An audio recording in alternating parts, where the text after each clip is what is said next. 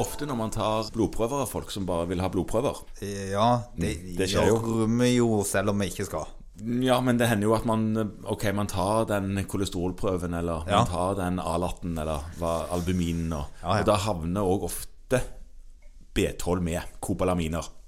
Ja, det hender litt oftere enn det kanskje strengt tatt er nødvendig. Det er riktig, Ja. men den havner nå med der. Og noen ganger så er verdien litt sånn i det lave området, og siden alle stort sett er litt slappe og trøtte og slitne, så tenker en at eh, oi, her burde en hatt tilførsel, selv om hemoglobin er normalt og Ja. alt sånn som det. Og da har man kanskje før tenkt at ja, jeg er litt usikker på om du har en, egentlig en mangel på B12 eller folsyre, og så hiver en på MMA og homocystein. Ja. Og så prøver en å tolke dette her, da. Og så er ikke det alltid så lett, det heller. Nei. Grunnen til at jeg nevner dette, det er Ja. fordi det er mange laboratorier rundt omkring nå som tilbyr noe som heter aktivt B12. Ja.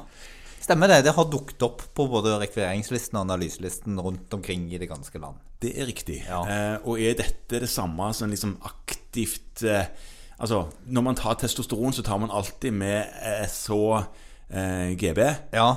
Og så gjør man en ratio. Ja. Så det er Aktivt av denne frie testosteronindeksen. Du kan tenke på det litt på samme måten. For det er noen bindinger av Ja. proteiner i serum og noe greier Eh, her. Det som Du kan tenke på det litt på samme måten. Og det som er poenget med denne analysen, er at når du tar den, så har den vist seg at den er litt mer spesifikk og litt mer sensitiv for det som heter en funksjonell B12-mangel. Ja. Eh, Som egentlig betyr med, med godt norsk at den B12-mangelen faktisk betyr noe. ja, at den litt lave verdien, den gråsoneverdien, faktisk er funksjonelt lav. Ja.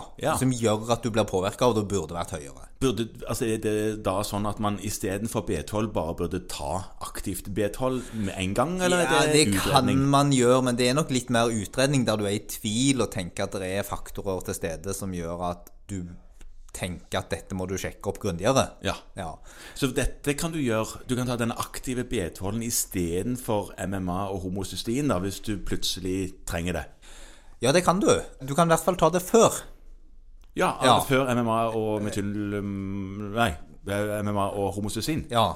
Nå roter du akkurat så mye med de der tingene som det de fleste gjør, både når de skal si det, og når de skal analysere Ja, det. mm, det var illustrativt. Ja, eh, så sånn er det. Og, og da er det sånn at hvis du har en, en lav verdi, Hva er lav verdi, da? Ja, sånn Referanseområdet er fra 32 til 207 på det laboratoriet som vi har forholdt oss til, i hvert fall. Altså på aktivt B12? Ja. Og, og pikomol per liter, faktisk. Pikomol. Ja. det er Men eh, hvis den er sånn 50-ish og større, Ja. så kan du i stor grad utelukke funksjonell B12-mangel. ja, ok. Eh, Da trenger du i hvert fall ikke ta noen mer prøver. Nei, da, um, på tross av at pasienten antagelig gjerne vil ha en sprøyte med B12 i stjerten, så er det unødvendig. Ja, da må du jo heller ta den andre diskusjonen med at det er ikke helt risikofritt å gå med for høye B12-verdier heller. Nei. Eh, og når du forklarer dem det, så er de ofte litt mer lydhøre for at normalverdier er ganske fornuftige ting. Ja, og at det kanskje ikke det er der hunden er begravd engang.